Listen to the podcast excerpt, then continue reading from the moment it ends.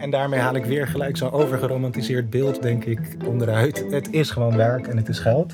Maar het is wel het tofste werk wat je kan doen. Dat vooropgesteld.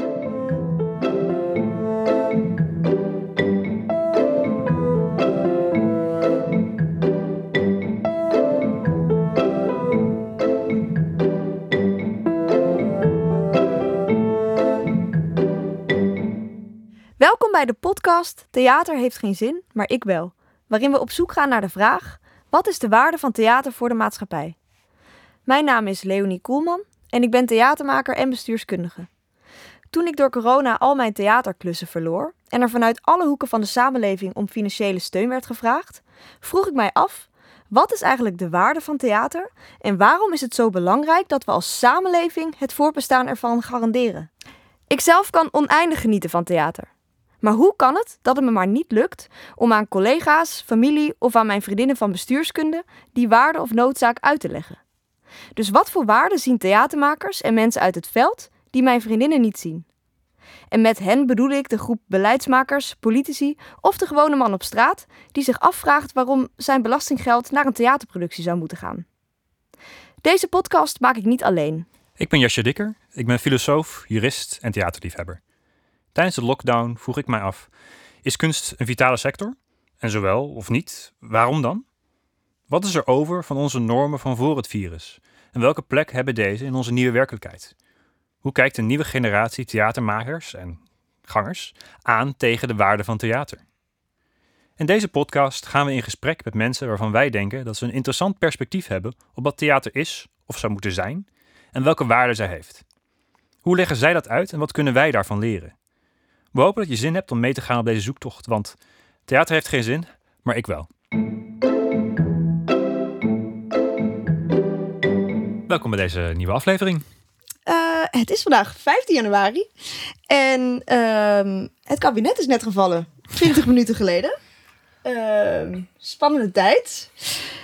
Naast ons zit uh, Gary, onze gast van vandaag. Hoi. Um, en het is vandaag jouw verjaardag. Ja, ook dat nog. dus we hebben net uh, lekker een taartje gegeten om jouw verjaardag te vieren. Ja, heel leuk. uh, zou jij jezelf even kort willen voorstellen? Ja, zeker. Ik ben uh, Gary Bluffband. Ik ben vandaag jarig. Ik ga niet zeggen hoe oud ik ben geworden. Um, jawel, 39 is oké. Okay. ik ben theatermaker. Ja, om het maar even een naam te geven. Maar daar kunnen we zo meteen, uh, denk ik, wat uitgebreider over ja, hebben. Um, maar ik ben theatermaker. Um, ik uh, heb de Toneelacademie Maastricht, de docent-regisseursopleiding gedaan.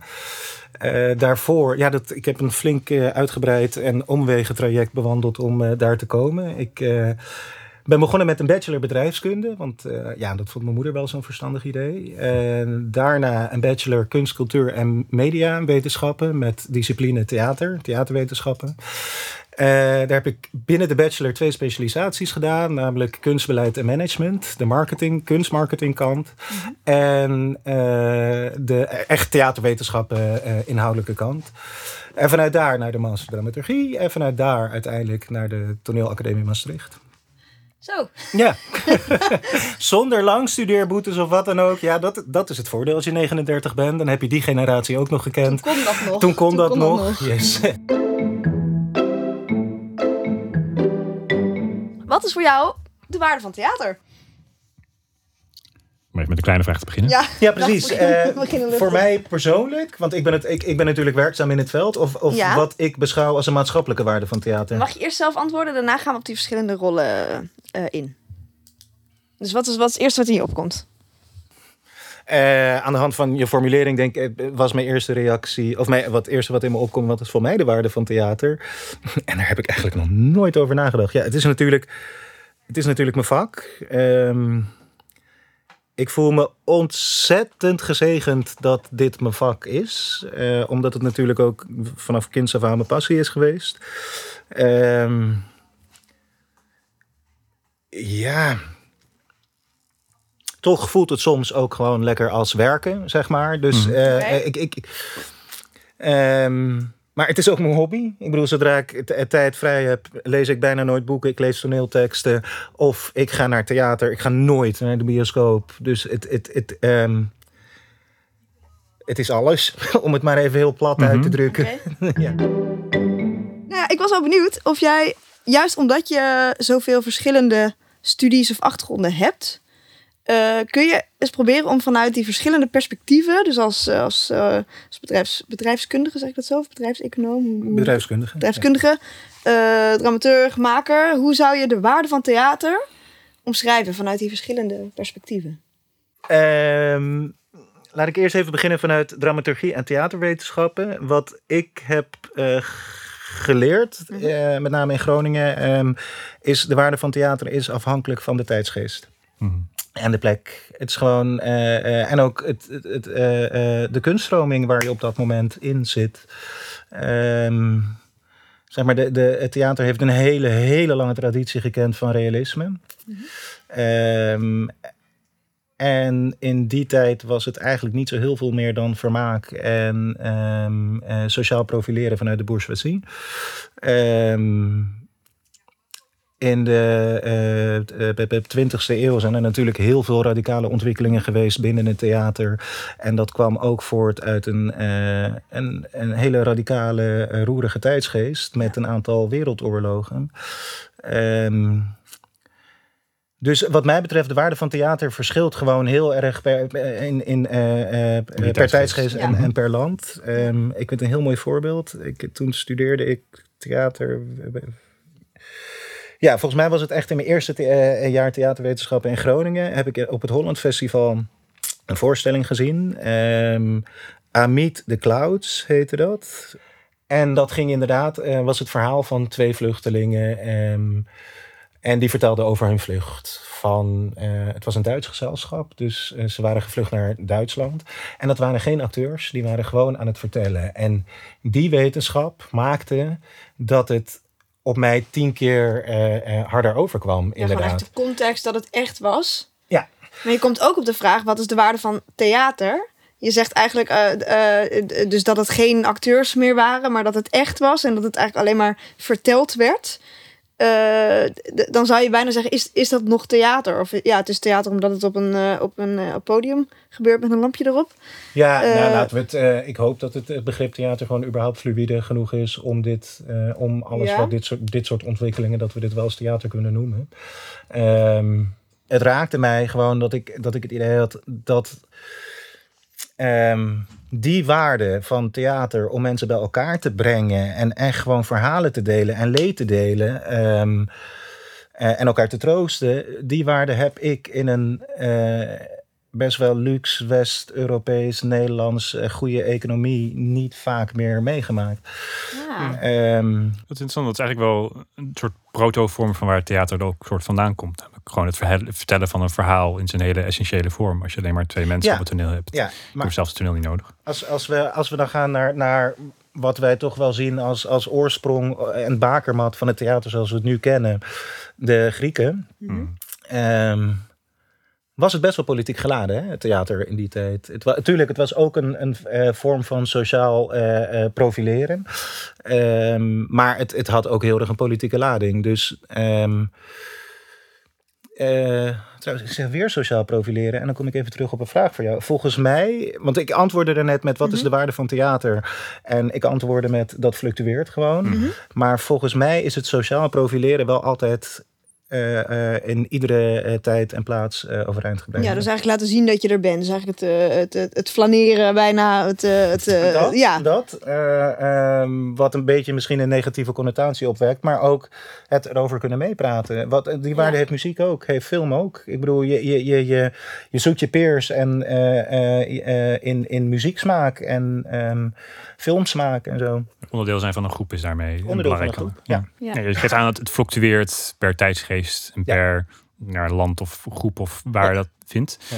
Ehm, zou je kunnen typeren in de huidige tijdsgeest en Nederland? Hoe, hoe je daar die waarde zou geven? Ja, huidig, echt huidig, Mhm. huidig, Huidig, recent. huidig.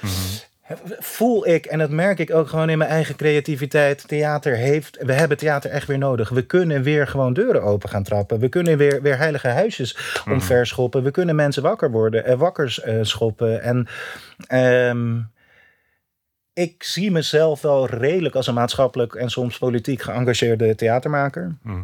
Ehm, ik heb daar heel vaak ook in gevoeld van, ja, ik vertel dit, want ik wil dit vertellen en ik wil, ik wil mijn ogen openen. Maar de ogen die ik wil openen, waren vaak al geopend bij het publiek. Weet je, het, is, het theater voelde heel vaak eh, eh, een linkse boodschap, preaching to the choir. Ehm, maar we zitten in nu zo'n schreeuwende tijd waar van alle kanten wordt geschreeuwd. En niemand schreeuwt vanuit het midden. En ik denk dat theater ook wel even wat vaker links en rechts naar elkaar toe mag gaan schreeuwen wat dat Mhm. betreft. Ehm, Het is nu ook be- beter de kans om dan niet de, de own choir te raken. Ja, ja ik, ik, ik, ik, heb, ik heb er misschien wel een, eh, een voorbeeldje van. Dat was niet als. Ja, deels als theatermaker. Ik heb eh, vorig jaar in de Angstfabriek gespe- gespeeld. Eh, oh, die heb jij gezien, hè? Zeker. Niet een avond dat ik speelde. Nee, niet. Nee. Ehm, ik ga even uitleggen wat het, wat het inhoudt. de Angstfabriek, de fictieve situatie erachter is... De Angstfabriek was een ehm, fictieve marketingbedrijf... gespecialiseerd in angstcommunicatie, in angstmarketing... en mensen bang maken. Eh, waar politici of ehm, bedrijven of lobbyisten... konden dan een angstcampagne op maat bestellen... en die konden zij dan inzetten om eh, mensen voor zich te winnen. Ehm, ik blijf in die, even in de fictieve situatie. Ik speelde de di- directeur. We hadden bijvoorbeeld heel veel angstcampagnes waarin we Nederland bang moesten maken voor de islam, voor salafisme. Nou ja, dan kan je al raden wie dan zogenaamde klanten waren daarvan. Eh, maar ook eh, linkse angsten, namelijk de angst voor klimaatverandering. En eh, zogenaamd waren wij als angstfabriek erin gespecialiseerd om mensen bang te maken. Goed, dat was het eh, basisconcept. Ehm de Angstfabriek was ook echt een gebouw wat op tour ging. Dus het, het, een gebouw bestaande uit acht portocabins en dan van binnen helemaal ingericht. En daarmee zijn we het eh, eh, langs vier grote steden getoerd, een jaar lang. Ehm, en dat deden we ook voor scholieren. Eh, dat was dan een ander type voorstelling. De scholieren kwamen dan zogenaamd de Angstfabriek binnen. En ze zouden dan een proefdag hebben als nieuwe werknemers van de Angstfabriek. En aan de hand van opdrachten uitvoeren eh, en gesprekken met mij, de directeur, moesten ze dus eh, een mening vormen over angstcommunicatie. De bedoeling is om, om gewoon wat iets meer mediawijze eh, tieners op te voeden. Ehm, nou, dat hebben we gedaan in Utrecht. En dan heb je die, die ervaring. En ehm, ik stel ook altijd aan scholieren de vraag: waar ben je echt bang voor? En welke maatschappelijke angsten heb je? Ehm, dat hebben we in Utrecht gedaan. En op een gegeven moment stonden we in Eindhoven. En hadden wij een groep vanuit een, eh, een schoolgroep, vanuit een school ergens in een dorpje eh, in eh, Brabant. En ik stelde die vraag. En unaniem, de hele klas, zei tegen mij. ja, dat kunnen jullie niet zien op een podcast, maar ik heb een kleurtje. Zeiden unaniem tegen mij: ehm, ja, buitenlanders. Ze komen hier om onze banen te stelen en onze vrouwen te verkrachten. Kinderen van 14.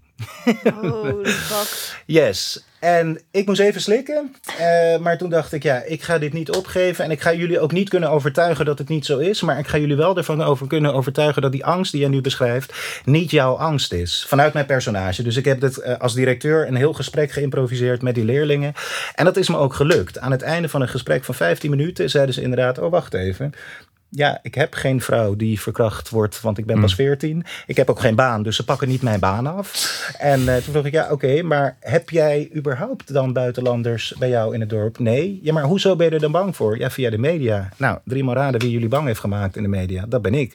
Ehm, en toen dacht ik, ja, dit mis ik zo in het theater maken. Dat je echt iemand anders laat nadenken Hmm. over iets. Het, het, eh, eh, het voelt vrij vaak als een mooie vorm vinden voor een boodschap die je wil uitdragen. En dat het publiek dan denkt, oeh, mooi weergegeven, mooi vormgegeven. En mooie originele invalshoek. Maar echt mensen anders doen laten voelen of denken, dat, dat, die, dat heb ik een tijd gemist of zo. Of, nou, ja. Enerzijds spreekt er heel veel engagement vanuit jou.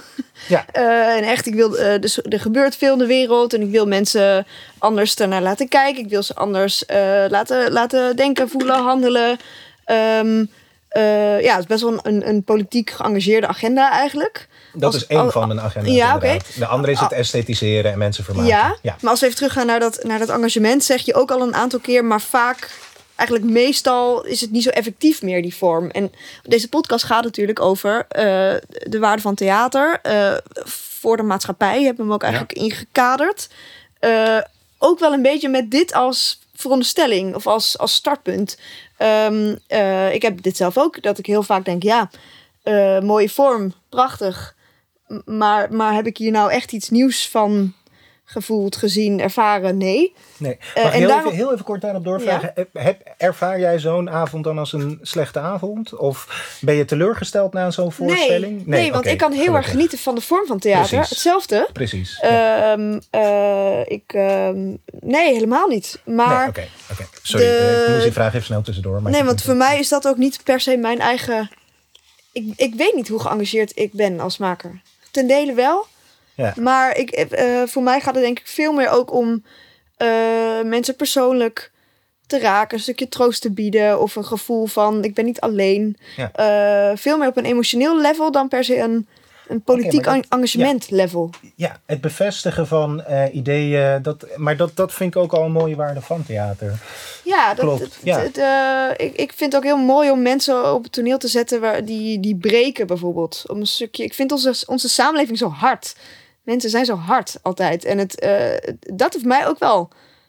Dat is voor mij denk ik wel een waarde. Als ik zelf als, als bezoeker naar, naar een voorstelling ga en ik zie, ik zie zachtheid. Of ik zie harde mensen die breken. Of ik zie eh, ja, mensen die, die vechten. En eh, ja, snap je? De, de, dat, je Ja, dat je gevoelens bij jezelf herkent Ja. daarin. En dat je denkt, oh, wat zijn we ook met z'n allen Ja. ons best aan het doen in deze wereld. En daarin, eh, Is dat heel anders dan, dan deuren openen of ogen openen? Want voor mij klinkt het... Het is niet politiek misschien. Nee. Hoewel, je kan je afvragen wat er apolitiek is. Maar het is nog steeds iemand iets anders laten voelen of iets anders Ja. ja, laten misschien inzien. emotioneel engagement Ja, of maar zo. dat, nee, ik- precies. Ja. Dat, dat, dat kan ook Zeker, iets zijn. zeker, ja. Maar dat hoeft dus niet per se iets nieuws te zijn voor mij. Of iets... eh, Aanzetten tot actie. Aanzetten tot, tot anders handelen of zo. Dat, Ja, dat is het voor jou. nou ja, dat, dat, dat is. Dat, ja, ja, precies. Engagement. eh, ja, misschien is dat het voor mij inderdaad. En is dat een, een, een, wishful thinking van mij? Ja. Dat ik denk, dat ik zou zit nog zo, zo van, fijn zijn. Waarom, wa- Waarom- waarom... doen we dat dan in het theater? Want volgens mij kan je dat met docu's, met journalistiek, met films misschien wel eh, veel beter voor elkaar krijgen, toch? En dat maakt gewoon die split. Of nee, niet een split, want dat klinkt heel negatief. Waarom in theater? Omdat ik gewoon van de vorm, van de theateresthetiek hou. Ehm, en ja, dan is het zo dat ik waarschijnlijk mensen niet anders of niet aanzet tot anders handelen of tot activisme of wat dan ook. Ehm, hooguit een paar. En het zou leuk zijn als, er, als de voorstellingen die ik maak dan ook zo gemarket worden dat ook andere mensen, zeg maar, die niet in mijn meest voor de hand liggende bubbel zitten, ehm, dat die ook de voorstelling ziet, maar zo, eh, zien. Zo, zover zijn we gewoon nog niet. Ehm, en waarom blijf ik het doen? Ja, ook omdat ik gewoon van die vorm van theater hou. Maar daarnaast probeer ik wel buiten regulier theater ook andere vormen Ja. die, die wel wat effectiever en wel wat meer gericht zijn op de we En dan kom je met, eh, met critical mass eh, dingen. En want ik denk dat het interessant is om daar even op door te gaan, omdat dat een, Ja. een soort mengvorm is. Maar waar ik nog wel benieuwd naar ben, is als we dit, want ik vind dit eigenlijk best een deprimerende conclusie of zo. Ik bedoel, we zijn natuurlijk op zoek naar, naar de waarde van theater, ook Ja. om straks een presenteerplaatje te kunnen geven aan eh, het eh, nieuwe kabinet. Eh, zeg, beste heren en dames, theater is belangrijk, want. En eigenlijk komen we er nu, ja, het is een fijne vorm. Maar dat vind ik toch best minimaal voor een gesprek wat zo geëngageerd is. Dus ergens hoop ik nog dat we toch nog kunnen. Dus misschien ben ik toch stiekem geëngageerder dan ik wilde toegeven. Nee, je bent Ik- niet bereid om dat engagement te laten. Nee, ik hoop Vallen. ergens dat we nog tot een conclusie kunnen komen. ja, Snap je? Dat, Oké, maar wat mij betreft kan een deel van die conclusie zijn... in theorie en qua structuur heeft theater wel degelijk die potentie. In theorie en structuur. Ja, Oké? maar in de praktijk dat, eh, eh, werkt het niet... omdat het geëngageerde theater, het gesubsidieerde bestel... wordt bezocht door linkse mensen, linkse bezoekers. En daar zit gewoon... Ja, maar dan spreek ik Is heel erg het- vanuit ja. mijn links engagement als maker. Het zou bijvoorbeeld Vind ook ik best een zijn. stelling om het politiek te maken, overigens. Ja, maar dat- Om nu links te zeggen. Is dat, is dat per se zo? voor een groot deel, ja hoor, ik denk het wel. Ja. Maar op basis waarvan, ja, waarom denk jij dat? Zie je alleen maar heb je met je publiek gesproken af, aflopen en zegt wie stemt hier links, wie stemt hier rechts? Ja, nu is nu. Uh, ja. Dit is een lastige vraag. Dat snap ik ook. Ja, het, is, het is, zeer, het is, het is denk ik goed vraag, om het te benoemen, van, want het wordt vaak gezegd. En, ik, en dit ja, is ook de reden. Het, het, is ja, en het wordt ook, het is ook de kritiek van veel mensen op. Ja, maar theater is inderdaad alleen maar een links clubje. Dus dit is denk ik heel goed dat we het benoemen. Het gesubsidieerde theater in principe. In principe is het een hele linkse bezigheid natuurlijk. Het, het subsidiëren, subsidiëren van kunst. Fair point. Ja. Nou ja, was dat niet altijd. Hè? We zijn nee, dat is was het niet altijd. Nee, nee, nee, nee Het is ook een heel lang een, een, onderdeel van het liberaal gedachtegoed geweest dat je de, de kunsten in jouw maatschappij denken, moet, uh, et cetera. Ja. ja, dat je die moet steunen, dat dat een onderdeel is van die maatschappij die ja. je opbouwt. Het is meer recentelijk dat we met een Ja, verder afgebouwde staat Ja. dat als links zijn gaan zien, omdat die dat nog wel Ja. En dat je het moet gaan zien als vermarkten en dan eigenlijk een verdienmodel om, om, al, om als kunstenaar je broek op te houden. eh. Maar het is sowieso een, een heel erg eh, rechts eh, gedachtegoed dat de overheid zich met zo min mogelijk dingen moet gaan bemoeien. Eh, nou, zo min mogelijk dingen. Ja. Maar in ieder geval dat kunst en eh, geen overheidszaak is. Oké, laten we even teruggaan naar jouw stelling. Jij Ja. zegt eigenlijk, het, het publiek ik, is ik voornamelijk... een beetje vast te lullen. Oh, ik zei lullen op een podcast. Maar Ehm, dat is denk ik juist goed. Want dit is, Ja. ook, dit is natuurlijk ook waarom we deze podcast zijn gaan maken. Omdat we Ja. dit soort stemmen ook horen. Van, goh, maar ja, leg nou eens uit. Wat is nou die waarde? En ik, ik, ik, ik kom stelliger over dan, dan ik ben hoor. Want ik ben wat dat betreft nog wel zoekende. Want ik merk, het, het engagement hoeft niet per se een politiek engagement of een links engagement te zijn van een maker. Mhm. Dat, dat, dat is op zich ook wel. Maar eigenlijk wil je dat je niet alleen de mensen krijgt die al in jouw, in jouw denkkader of bubbel, Ja. om het zo te noemen. Je, je, hoopt, je hoopt een breder publiek te krijgen. Dus misschien is, is de waarde van theater alsnog wel engagement eh, of, of deuren openen. Maar eh, moeten we erkennen dat we op dit moment in het huidige stelsel ehm, er slecht in slagen als makers en als theaters en als gezelschappen om andere, andere kwantitatief om, niet om genoeg. ander publiek te benaderen. Of inderdaad, dat aan de maakkant eh, we ook even kritisch moeten gaan kijken naar wat willen we communiceren. eh, Dus en jij is daar moeten wel. Ja, een keer andere dingen gaan. Ja, precies. willen communiceren. Precies, want als ik kijk naar het voorbeeld van Erik de Vroet en eh, De Wereld Volgens John... ehm, heeft hij wel een links-rechts kwestie aangekaart. Ehm, maar wat dat, wat, wat dat betreft wel echt deuren geopend ook. Dus Ja. het zit ook in wat wil je, wat wil je zeggen. Ehm, Het is wel interessant, omdat veel makers worden natuurlijk ge- gedrild in maak vanuit wie jij bent. Of wat, wat wil jij zeggen? Heel natuurlijk vanuit Ja. autonomie en, en Ja. jouw persoonlijke stem. Ja, en als die makers dan allemaal ongeveer hetzelfde stemmen, als, het, als het allemaal op hetzelfde, als het allemaal op hetzelfde neerkomt. dan snap ik ook dat mensen die niet naar theater gaan, denken: ja, ga allemaal lekker in je eigen bubbel eh, over hetzelfde praten. Maar Ja. dit gaan wij niet financieren.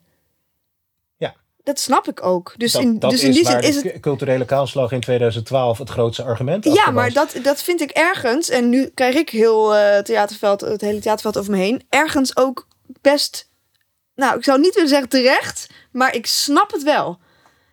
Ja, Zeker in de situatie tot aan 2012. ja, Ook omdat toen veel te weinig op kwaliteit werd gezeten. En in principe iedere, nu ga ik het nog lulliger, iedere drol niemand die... gaat meer luisteren naar deze podcast. Had je mij maar niet moeten uitnodigen. Iedere drol die in het linkerhoekje van een museumzaal wordt gelegd, dat kreeg al subsidie tot aan 2012. Dus dan had je ook nog eens en eh, eh, eh, kunstpraktijk waarvan rechtse mensen zeiden, ja sorry, maar dit kan mijn neefje van twee ook. En ook nog eens dat ze vonden, ja, maar jullie zijn elkaar daar lekker aan het be- be- bevestigen. Ja. Waarom moet dit overheidsgeld zijn? Ja, ik weet niet of dat op zich op dit moment nog steeds zo erg is hoor. En Nou ja, we zijn nu natuurlijk sinds 2012 de andere kant op geslagen. ja, Eh, feit blijft wel, dus als we, als we jouw stelling volgen, dat iedereen in het theaterveld ongeveer in hetzelfde perspectief zit, het inclusief de subsidiënten, Ja. Sorry. zou je dan zeggen. Ja, want is, het klinkt dan. Het probleem is, we laten te veel hetzelfde geluid aan dezelfde mensen horen. Het Ja. antwoord zou dan moeten zijn: een ander geluid aan andere Aan men- andere mensen. Moeten. Ja, nee, nee, nee, niet helemaal. Hetzelfde geluid aan andere mensen of een ander geluid aan dezelfde Ja, mensen. exact. Ja, dus dat of het je moet blijven doormaken wat Ja. je nu maakt en dat andere mensen laten zien. Ja. Of je moet een heel ander geluid aan dezelfde mensen laten zien. Ja. Dus moeten we nu heel nou ja, dat- om even die zwart-wit stelling te houden, heel rechtse voorstellingen nu aan het bestaande publiek laten zien? Is dat ja, een en ik, merk, nee, ja, maar ik merk dat we nu heel erg eh, in, in eh, groot eh, over Ja. theater, terwijl het, het heel erg eigenlijk wat ik heb gezegd komt vanuit mijn eigen theaterpraktijk. Hè? Want het- het, ehm, er zijn ook genoeg makers die geëngageerd zijn. Ja, dan misschien moeten we het sowieso over dat begrip engagement hebben, want wanneer ben je geëngageerd? Eh, maar die geëngageerd zijn, die het niet zozeer over links-rechts kwesties hebben, maar ehm, onbekende terreinen, of terreinen die nog verder bediscussieerd, bevraagd of onderzocht moeten worden, dat die worden aangekaart. Is dat niet eigenlijk heel deprimerend? Dat je Ja. alleen voor je eigen clubje kan eh, maken? Als je vanuit die intrinsieke drive maakt. Bedoel, als Ja, je alleen dat- maakt om te ja. vermaken, maakt het geen fuck uit. Nou ja, dat, dat, dat is een, een, een kleine crisis waar ik een jaar geleden doorheen ben gegaan. Maar nu voelt wel echt als een tijd dat ik. Maar ook gewoon mijn dispositie rondom eh, grote thema's die nu spelen. Denk ik, ja, ik. Hier voel ik wel mogelijkheid. En die mogelijkheden zijn er hoor. Ik, ik vind bijvoorbeeld dat het Nationaal Theater dat fantastisch doet. De Wereld volgens John. Vond ik echt, echt dat ik dacht, ja, ik ben, ik ben super links. Maar ik heeft bij mij ogen geopend over hoe. eh, eh, en mij ook doen inzien hoe ik ook meega in de media wat betreft het profileren van rechts. Hebben jullie de, eh, die voorstelling Nee, gezien, steeds de. Wereld volgens John? Volgens mij staat die nog steeds online, want die hebben ze online gegooid toen tijdens de quarantaine. Maar en, want daar ben ik ook benieuwd naar. Je zegt van god, dat heeft mij de ogen doen openen. Ja. Maar ben je ook daadwerkelijk anders gaan handelen? Ehm, nee, maar dat is denk ik vooral omdat de gelegenheid zich er niet, eh, dat die gelegenheid zich niet heeft aangediend om anders te gaan, te gaan handelen. Eh, zal ik heel kort samenvatten waar het over gaat? Ja, is Of, goed. Ja, je ehm, mag ook een ander voorbeeld geven hoor. Maar waar ik, waar ik benieuwd naar ben is... eh, er wordt vaak gezegd, theater heeft echt ontzettend maatschappelijke waarde. Want het, het stelt maatschappelijke issues aan de kaak. En het zet mensen aan tot ander gedrag. En ik vraag me af, is dat echt zo? Dus ook In potentie wel degelijk. in potentie, maar... In de praktijk niet zo. Nee, nee. Maar ik voel wel dat er nu tijd is. Dat, dat er wellicht wel de tijd daarvoor is. Kun je daar een voorbeeld van geven? Wa- wa- Waar is dan de tijd voor en wat zou je dan kunnen doen? Ehm nou ja, zo- zoals ik daarnet inderdaad ook al zei, het, het publiek is vrij links. Yes. Ehm, eh, de wereld volgens John is gewoon een heel mooi verhaal over hoe een jongen in Duindorp. Ik weet niet of jullie Duindorp, Den Haag een beetje de, de eh, eh, demografische gegevens eh, weten. Maar dat is volledig wit. ehm, heel groot werkloosheidsgehalte en vrij uitzichtloos van, voor, voor de jongeren die daar wonen. En één jongen die, die doet een domme actie. Is totaal niet racistisch, maar dat wordt in de media zo opgeblazen en opgeblazen. En vervolgens wordt die jongen afgeschilderd als rechtsextremist. Ehm en dat vond ik gewoon een heel mooi voorbeeld. Dat ik denk, ja, wij, wij, wij, wij als linkse mensen zien ook gewoon rechts als een grote vijand. En houden dan op met nadenken erover. Of houden, met op, houden op met kijken. En ehm, dat heeft bij mij mooi de ogen geopend. Ik speel heel erg met eh, een, de gedachte om een voorstelling te maken over het idee van privilege en wit versus eh, eh, wit privilege versus zwart ander Maar wat ik wel privilege. interessant vind, is dat je net toch vrij hard zei... ach ja, het is toch links tegen rechts. Terwijl Is je net ook aangeeft dat deze voorstelling... jou heeft doen inzien dat je daar eh, genuanceerder naar moet kijken. Nee, oh sorry, ik bedoelde links tegen rechts in betreft, eh, wat betreft ehm, eh, preaching to the choir en, en Ah, publiek. qua, ja, precies. ja. publiek wat je bereikt. Ja, ja. En, en inderdaad, de, de, de, hoe er gepolariseerd wordt gedacht over theater, namelijk wat is de waarde? Nou ja, het heeft nul waarde. Het is, het is een linkse hobby. of ja, het heeft heel veel waarde. En ik hoor weinig meningen ertussen. Ehm, dus dat bedoelde ik met echt links Ja, tegen rechts ja, over ja. Hoe, hoe de dispositie rondom theater. Ja. Maar dan zeg je dus eigenlijk, een, jou, de, de waarde van theater is voor jou dat je eh, dingen kunt communiceren of, of, eh, eh, of blikken kunt openen, deuren kunt openen of, of mensen op andere gedachten kunt brengen of hun blik kunt verruimen. Ja. Dat is de waarde van theater, behalve dat volgens jou je publiek vooral bestaat uit mensen wiens blik al behoorlijk ruim is of de dingen die jij wil communiceren, dat ze die al weten. Ja, en waar, waarom kunnen we dat publiek alsnog verrassen en erbij houden? Is omdat wij vernieuwende vormen vinden om het te communiceren. Maar dan zou je ook, als ik het een beetje chargeer, kunnen zeggen... Ja, misschien hoeven we niks meer te communiceren. Want eh, ja, de mensen die nog van de vorm theater houden, die, eh, die weten het al. Ja, Dan heeft, dan heeft theater misschien helemaal niet die waarde meer. Eh, zover, nou ja, dat, dat zou wel echt een heel pijnlijk besef zijn. En ik weet niet of ik daar eh, aan wil gaan. Want we hebben wel een wereld die echt veranderd zou moeten worden. Maar ehm, Maar je krijgt het niet Het- voor elkaar met het, met het Ja, maar we- medium we- tot we- nu we- toe. Ja, maar we benaderen het medium eigenlijk nu, tot nu toe, eigenlijk eh, alleen nog maar vanuit de maakkant. Hè? Mhm. Ehm, laten we het ook hebben over het publiek. Het publiek zou diverser wat dat betreft moeten zijn. En dan kan je wel iets meer bereiken. Goed, even los van geëngageerd en engagement en of het nou wel of niet en mensen aanzet tot, tot anders handelen. Ehm, theater doet wel echt een, een poging om de werkelijkheid te beschrijven op een andere manier dan dat wetenschap, journalistiek of religie dat beschrijft. Want? Eh, nou ja, voor mij zijn er, zijn er eh, eh, nou, die vier, misschien nog wel meer, krachten in, in onze wereld die proberen de werkelijkheid te snappen, te doorgronden en te beschrijven. Namelijk wetenschap, pretty obvious, want dat is een taak van de wetenschap, want dan kunnen we de be- wereld beter begrijpen en beter besturen. Journalistiek beschrijft de wereld namelijk aan een groot, publiek groot publiek. Ehm, en de kunst doet dat ook. En theater in het bijzonder. En wat ik er fijn aan vind en waarom het eh, ehm, voor mij een hele andere waarde heeft dan bijvoorbeeld de wetenschap of religie of journalistiek, is de taal. Oké, ja, dat is trouwens een hele belangrijke waarde over theater en kunst. Namelijk het, eh, denken, het leren denken en kijken in metaforen. Ehm, theater is in principe gewoon een taal. En iedere taal bedient zich van woorden. eh, maar bij een gewone taal is het één op één. Namelijk een woord betekent dit. Ja. Een metafoor is ook een taal. Alleen het staat niet vast waar een metafoor voor staat. En wat mij betreft is kunst het vernieuwende kunst, het ontdekken van nieuwe metaforen. En eh, metaforen die dan draagvlak krijgen. Ehm, wij zijn niet gewend om te kijken in, eh, in metaforen. Zeker een nieuwe generatie niet. En wat theater doet, is leren kijken in metaforen. En dat is, vind ik, een hele, zeker op jonge leeftijd, een hele eh, fijne eigenschap Wat heb je daaraan? Eh, leren uit de box denken. En uit de box denken maakt niet uit in welke we- eh, eh, sector je werkzaam bent. Het is een super goede eigenschap. En, Ehm, probeer dat dus verder uit te leggen. Even als elkaar van de duivel. Waarom zou ik in metaforen willen denken? Waarom wil ik... waarom zou je in metaforen Ja? nou, uit de box denken? En, Oké, dus, ja, dus dat, dat nieuwe er- dingen kunnen bedenken eigenlijk. Precies, Ja. precies. Ja. Ja. En dat, dat is, is of je nou arts bent of wiskundige of een heel exact eh alfavak hebt. Het, uit, out of the box denken is iets waar, waar je altijd wel wat aan hebt. Even om een eerder moment eh, terug te pakken. Je, gaf aan dat je heel sterk voelt dat nu het moment is om met theater dingen te vertellen of verbinding te creëren of iets te doen. Ligt dat eraan dat de, de boodschap urgentie, eh, urgenter is geworden? Of heb je ook meer het gevoel dat de maatschappij meer in flux is, waardoor het ook het moment is om een bepaalde boodschap nu over te brengen? Allebei.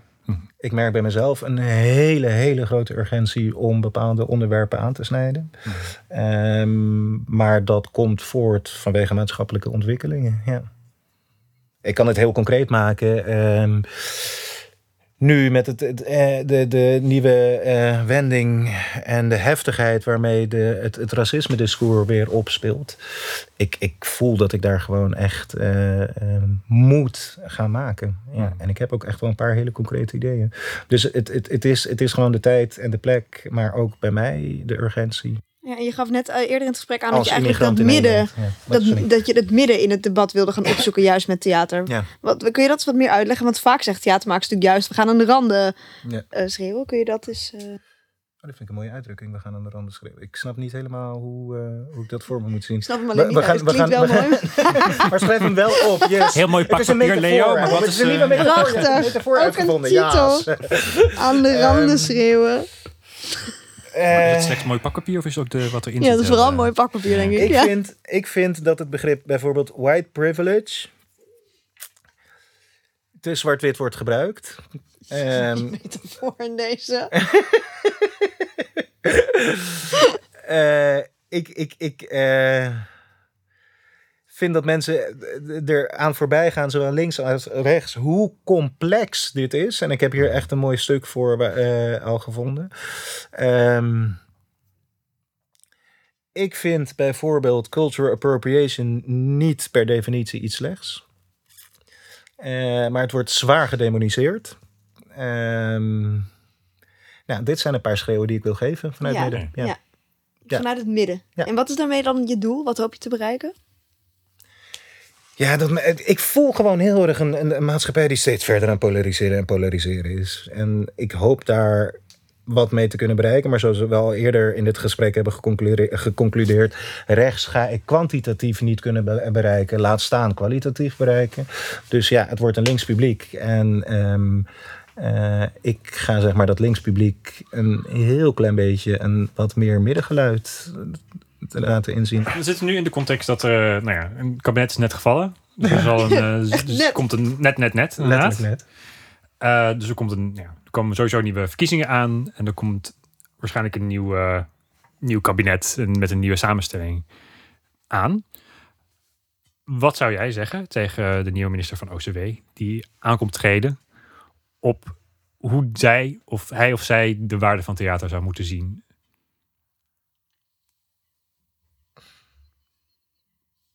Vanuit jouw eigen perspectief dan? Ja. Eh, nou, eigenlijk de dingen die we net hebben genoemd, maar ik vind dat OCW.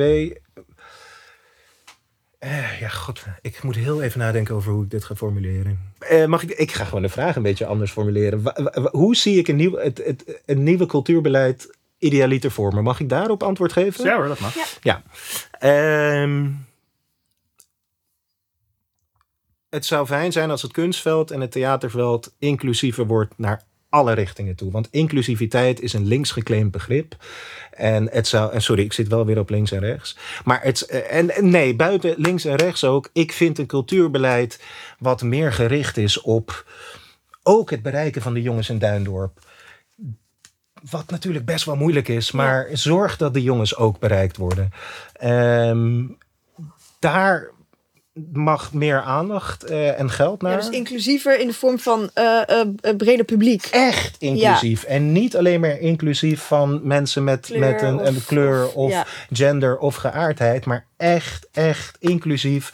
Het zou fijn zijn als een cultuurbeleid, het nieuwe cultuurbeleid, meer gericht is op het doorbreken van die bubbels die we om, om ons heen hebben gebouwd. En, en nu zit ik misschien weer in overgeromantiseerde, onmogelijke idealen te praten. Maar mag. het, Graag. dat, dat mag. Oké, ja, daar, dat zou ik fijn vinden. Please, ga niet nog meer bezuinigen. Alsjeblieft, eh, nieuwe minister van OCW. Gewoon meer geld. Eh, dat wel.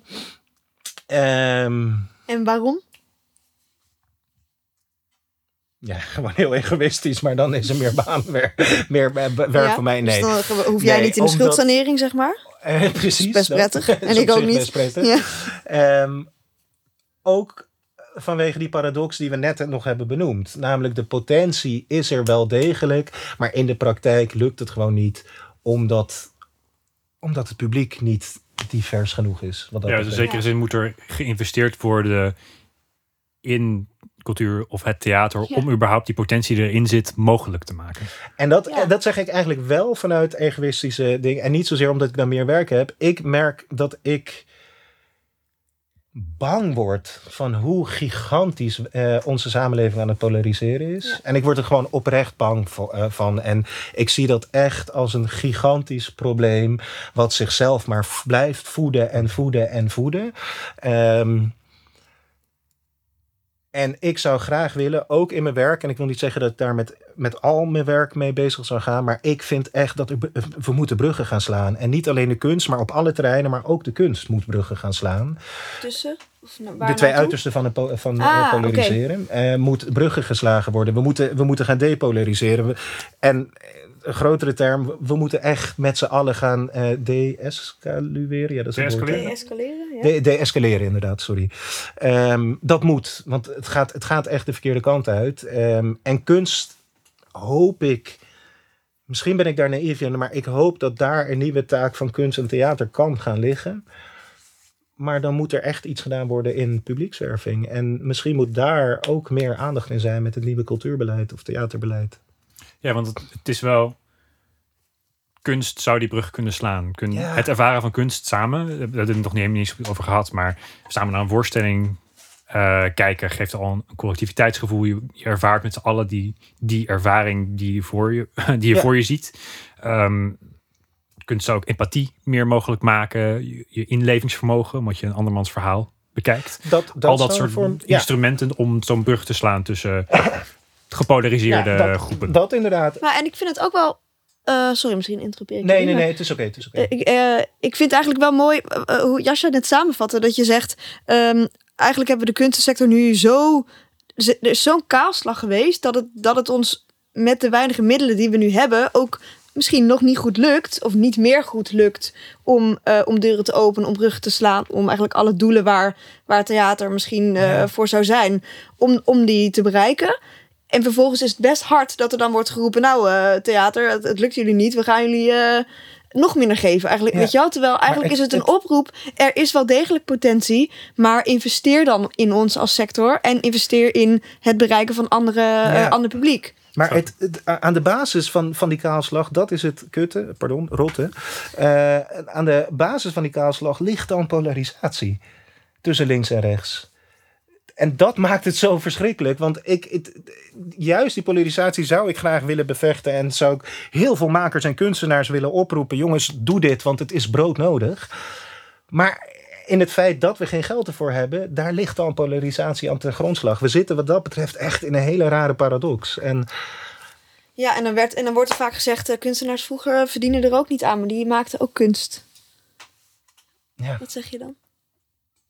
Hebben die, hebben die doorwerken, hebben die bereik gehad? Ik, eh, ik, ik, dat is echt zo'n. Ja, ik heb hem wel eens gehoord, dat argument, en ik weigerde er verder over na te denken. Want volgens mij zijn dat mensen die niet publiek hebben gehad. Nee, of mensen die eh, in grote armoede leefden. eh, of Ja. iemand anders hadden bij wie ze inwoonden. Dat was Ja, natuurlijk precies. vroeger. Ja, precies. Dus, dus eh, ja, Daar hadden we een mecenas die Ja, de hand boven het hoofd hield. Waar dat Ja. misschien nog mogelijkheid eigenlijk het subsidies, maar dan een andere... Ja, mecenas, maar die tijd is echt al lang voorbij. Ja, misschien, ik ben nog wel benieuwd. Wanneer vind jij theater geslaagd? Voor jou? Oh, jeetje. Ehm, nee, Ik- ik- geen Nee. idee. Nee, ik heb. Jeetje. voor jezelf als je Mag ik hem gewoon lekker naar jou spelen? Of naar Voor jullie? mij? Wanneer vinden jullie Ja, theater geslaagd? Misschien dat ik daarop kan inhaken. Ja, ik denk dat het, als ik voor mezelf spreek, als het bij mij iets teweeg heeft gebracht. En dat kan, eh, dat, het me, dat het me van stuk heeft gebracht. Dat het me intellectueel ontzettend van mijn stuk heeft gebracht of, of aan denken heeft gezet. Dat kan zijn als het me emotioneel raakt. Ehm, en ook wel de ervaring wat jij net benoemde. Ik heb ook een enkele keer een voorstelling gehad waar ik zo in het verhaal meeging. Het, gewoon die ervaring wat je eigenlijk als kind had. Als iemand je een verhaaltje voorlas. Of, of, of, of als je echt naar keek. Dat je helemaal opging in je fantasie en in, je, in het verhaal. En dat jij echt daar was. Ja, eigenlijk dat je dat weer, weer mag meemaken of zo. Dat denk ik. Ehm, ja, dus als het in, in die zin iets teweeg brengt. Ja. Denk ik. Oké, Hm. ja, dat, daar ga ik wel in mee. Dat is Kant Ja. trouwens. eh, Is dat Kant? Ja, Kant was een ook. Ja, volgens mij heeft Kant eh, de, eh, een kunstervaring in verschillende categorieën uitgedrukt. Je kan een esthetische ervaring Dat hebben. klopt. Je kan een emotionele ervaring Ja, hebben. Je kan een intellectuele ervaring hebben. Je kan een spirituele ervaring hebben. Ja, Minimaal één van die moet gebeurd zijn. Als we dit Ja, precies. zo samenvatten. en bij twee of drie Dat ben je genius. Ja. En hoe is dat voor jou?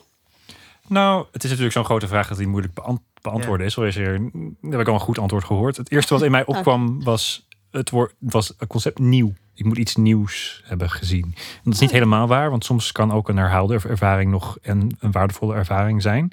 Maar eh, als we iets. Je kan ook naar een voorstelling die ik niet goed vind zijn geweest. En nog steeds iets nieuws hebben gezien. Waardoor ik er een waarde uit haal. Waar op de ervaring zelf geslaagd was. Of was misschien de voorstelling niet geslaagd in, in de opzet die het voor zich had. Eh, maar ik denk dat dat een één is die ik van belang vind als ik naar een Ja. voorstelling ga. In zekere zin is dat, haak dat aan jouw nieuwe metafoor-idee. eh. Ja, dus dat- daar wil ik inderdaad over doorvragen. Wat bedoel je nieuw? Dat je nieuwe vormen hebt gezien? Of dat je gewoon een nieuwe wereld hebt gezien? En dat jouw wereld is vernieuwd, je wereldbeeld is vernieuwd? Nou ja, dat zou ideaal zijn. Maar Ja. eh, en wereldbeelden laten zich niet zo snel kantelen. Vaak dat het in één voorstelling zo, zo makkelijk lukt. Vaak is het meer nieuw pak papier wat we, wat we gezien Ja. hebben dan eh, daadwerkelijk nieuwe inhoud. Ja. Ehm, maar dat kan, op, het kan op beide fronten. Ja. Ehm, idealiter heb je iets ook gevoeld. En dan vaak zit dat bij je eigen belevingswereld Ja. en je eigen wereldbeeld. Misschien is het goed om... eh, Af te ronden. dus een... Ik zou graag de vraag waar we mee begonnen nog een keer willen stellen. Wat is volgens jou de waarde van theater? Ehm, iets wat we nog niet optimaal benutten. Ehm, maar in potentie heeft theater wel de waarde om de wereld een stukje beter te maken. Ehm, in potentie. Eh, Nu nog die potentie benutten. sorry, wat zeg je? Nu nog die potentie genoeg benutten. Ten, eh, ja, genoeg benutten inderdaad. Ja. Oké, dankjewel. Dankjewel. Yes, jullie ook. Zo, dat was het gesprek met Gary. Ik vond het zo opvallend dat hij enerzijds zoveel energie gaf en zo geëngageerd was. En tegelijkertijd eigenlijk een best wel deprimerende boodschap had. Namelijk in potentie ehm, heeft theater waarde om de wereld een stukje mooi te maken. Maar in de praktijk lukt het eigenlijk niet. Ik vond dat een heel interessante eh, paradox in zijn verhaal. Ja, zeg een spagaat tussen potentie en realiteit, wat dat betreft. En nou ja, dat, voelt ook wel frustrerend natuurlijk. Als je denkt dat, de, dat, dat jouw kunstvorm iets kan bereiken, maar dat nog niet doet. Want het Ja. publiek is er niet wat het zou moeten bereiken. Ja, en tegelijkertijd zat er zoveel energie en engagement in zijn manier van spreken. En, en in alles wat hij, wat hij maakt. En over. Ja, ook echt een geloof dat dat, dat kan. Ja, Want eh, jij hebt het over eh, kloof tussen links en rechts. En nou dat naar elkaar toeschreeuwen, is natuurlijk een mooie, waar we het Ja. over gehad hebben. En ehm, nou ja, dat, dat wat mogelijk gemaakt moet kunnen worden. ja, inderdaad. En die metafoor van, van wat meer vanuit het midden schreeuwen. Dat was echt inderdaad een oproep om in plaats van te polariseren meer naar elkaar toe te komen. Ehm, en tegelijkertijd was hij, dat, dat noem- benoemden we ook, zelf ook best stellig over links en rechts. Dat vond ik ook heel, Ja. eigenlijk paradoxaal. En tegelijkertijd snap ik het ook. Eh, eigenlijk benoemde hij hoe, hoe hij op dit moment het theater ziet. Dus hij, hij vindt het vrij polariserend. En hij hoopt dat het meer naar elkaar toe kan komen. En, dat, en, dat, en daarin trok hij volgens mij de parallel naar de samenleving. Dat hij die ook steeds pol- polariserender vindt. Ja, hij noemde echt specifiek dat, dat hoe er nu naar theater wordt gekeken al een, een gepolariseerde uitgangspositie is. Precies, ja, Ja. ja. En tegelijkertijd zei hij ook dat het in de samenleving aan zich... dat we steeds, überhaupt steeds harder worden naar elkaar... en dat er Mhm. steeds meer aan de zijkanten wordt geschreeuwd. Ehm, Ja, en tegelijkertijd een enthousiasme voor de mogelijkheden die er zijn om met theater mensen te bereiken. ja, En dus ook dat er voorbeelden, hij heeft ook een aantal voorbeelden gegeven daarvan, dat, dat je echt anders gaat denken of, of een, een andere viewpoint kan begrijpen, omdat je een ervaring in een voorstelling hebt meegemaakt. ja, precies. Ja, dus wat dat betreft vond ik het ook een mooie start zo aan het begin... als eerste aflevering. Dat het echt een, een pleidooi is voor theater als Hm. kunstvorm... Hm. Eh, ja, om, om mensen om ogen te openen of mensen anders naar de wereld te laten kijken. Nou, ik ben, eh, ik ben benieuwd wat de rest ons gaat brengen. Ja, zeker. Ja. Dat was hem weer. Als je ons verder wil volgen op onze zoektocht, abonneer je dan op deze podcast. We vinden het leuk als je een recensie achterlaat en je kunt ons ook volgen op social media. Bedankt voor het luisteren en hopelijk tot de volgende aflevering.